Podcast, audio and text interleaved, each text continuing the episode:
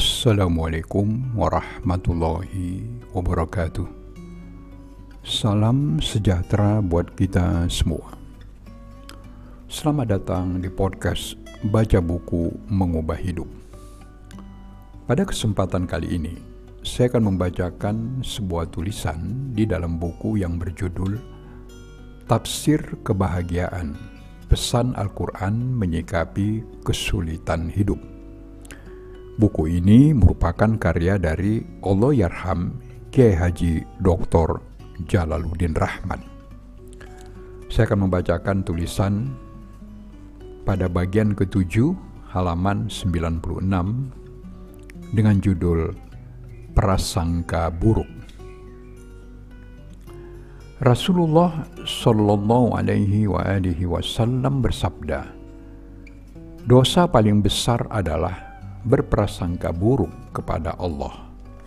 Akbar al-kabair su'u al-zon billah. Saya memiliki anak bungsu yang sering sakit. Di antara anak-anak saya, dialah yang paling rajin kirim SMS dan selalu mengakhiri pesannya dengan I love you daddy, apa pun isi pesan itu. Suatu ketika, dia mengirim SMS mengeluhkan keadaannya yang mudah sakit. Daddy, I think God doesn't love me anymore. He want to punish me for, for what I have done. Saya tak membalas pesannya itu dengan SMS, tapi menggunakan surat, sebab perlu penjelasan panjang yang tak cukup hanya dengan SMS. Dalam surat itu saya katakan, kamu telah berprasangka buruk kepada Tuhan. Kamu kira Tuhan tidak sayang lagi kepadamu. Padahal setiap hari ia mencurahkan kasih sayang dan anugerahnya. Tapi kamu malah menganggap Tuhan sebagai tukang hukum. Itu seperti yang disebutkan di dalam Al-Quran. Bila Tuhan memberi kemuliaan dan anugerah, manusia akan mengatakan bahwa Tuhan sedang memuliakannya dan jika ia menyempitkan rezeki, manusia akan berpikir bahwa Tuhan sedang merendahkannya. Sama sekali tidak seperti itu. Surah Al-Fajr ayat 15 sampai 17. Terkait dengan berprasangka buruk ini, ada sabda Rasulullah yang menurut saya cukup menarik. Kepengecutan, kebakhilan, dan kerakusan merupakan satu sifat. Maksudnya, semua sifat itu sama-sama lahir dari prasangka buruk. Orang menjadi penakut dan pengecut sesungguhnya lahir dari pikirannya yang penuh dengan prasangka buruk tentang ketakutan-ketakutan. Orang menjadi bakhil, pelit, sebab menurut pikiran buruknya, jika harta-hartanya dikeluarkan, ia akan bangkrut dan jatuh miskin. Pikiran-pikiran buruk itu selalu dihembuskan oleh setan. Ada sabda Rasulullah yang kurang lebih demikian. Dugalah perilaku seseorang dengan hal paling baik sampai kau yakin keburukannya benar-benar terbukti di matamu. Jangan pernah menilai buruk ucapan seseorang sampai kau tahu alasan kenapa ia mengucapkannya. Jadi, kita mesti menerapkan azas praduga tak bersalah pada setiap peristiwa Jangan terburu-buru mengambil kesimpulan sebelum bukti-bukti dan alasan-alasan secara komprehensif terkumpul. Itu sama dengan huzn al-zon berprasangka baik, kebalikan dari su'ung al-zon berprasangka buruk.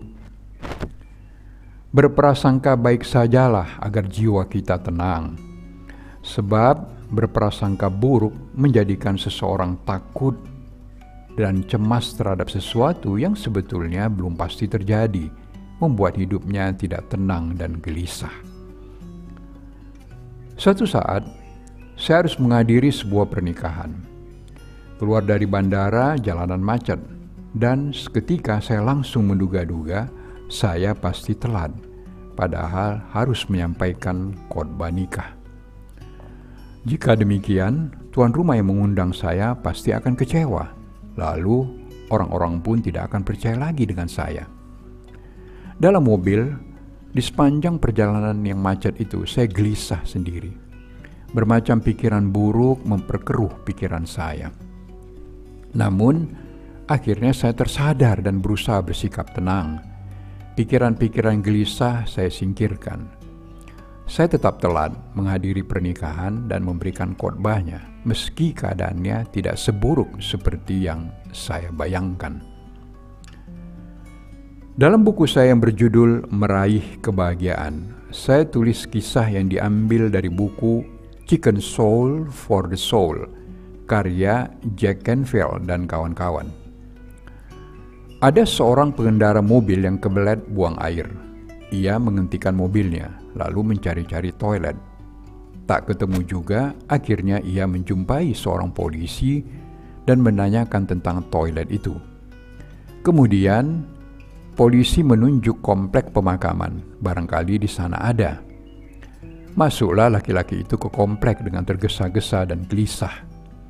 Laki-laki itu semakin gelisah saat memasuki komplek itu, ia harus mengisi buku tamu.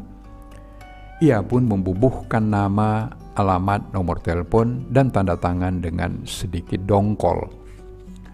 Singkat cerita, Sekian minggu kemudian, laki-laki itu ditelepon oleh seorang pengacara di New York terkait soal isi buku tamu di komplek pemakaman. Si pengacara meminta laki-laki tersebut segera mendatangi kantornya di New York. Laki-laki itu kaget dengan panggilan si pengacara. Apa salahku sampai harus datang ke kantor pengacara? Pikir laki-laki itu. Ia menduga-duga Jangan-jangan karena kasus buang air di komplek pemakaman itu. Laki-laki itu pun datang ke kantor si pengacara dengan membawa kartu identitas seperti yang diminta pengacara itu, dan tentu saja dengan hati gelisah. Setelah sampai, si pengacara pun mengutarakan maksudnya memanggil laki-laki itu. Si pengacara bercerita, "Ada orang yang termasuk terkaya di New York ini namun kehidupannya sepi sendiri karena tak punya keluarga. Kawan-kawannya pun menjauhinya. Sebab selama hidup orang itu merasa bahwa orang-orang yang berusaha mendekatinya selalu untuk urusan uang. Orang yang datang kepadanya selalu dicurigai hendak menipu atau mengambil hartanya. Lantas, karena tak ada kawan dan keluarga semasa hidup, ia berpikir jika meninggal kelak pasti tidak ada orang yang akan datang ke pemakamannya. Sebab itu ia berwasiat, setengah dari kekayaannya akan diberikan kepada siapa saja yang mau menghadiri pemakamannya, memberikan penghormatan terakhir. Orang itu kemudian meninggal, dan saat pemakaman dibuatlah buku tamu untuk mengetahui siapa saja yang menghadiri pemakaman itu. Dan ternyata Laki-laki yang kebelet buang air itulah satu-satunya orang yang mengisi buku tamu tersebut. Ia pun berhak mendapatkan setengah dari kekayaan orang terkaya di New York itu. Laki-laki itu pun akhirnya lega. Awalnya dia mengira akan tersangkut kasus hukum yang membuatnya cemas dan gelisah. Ya, begitulah Terkadang kita terlalu mencemaskan masa depan yang sesungguhnya belum tentu seperti yang kita pikirkan, dan semua itu lahir dari prasangka buruk yang menyelubungi pikiran kita. Salam sehat buat kita semua. Wassalamualaikum warahmatullahi taala wabarakatuh.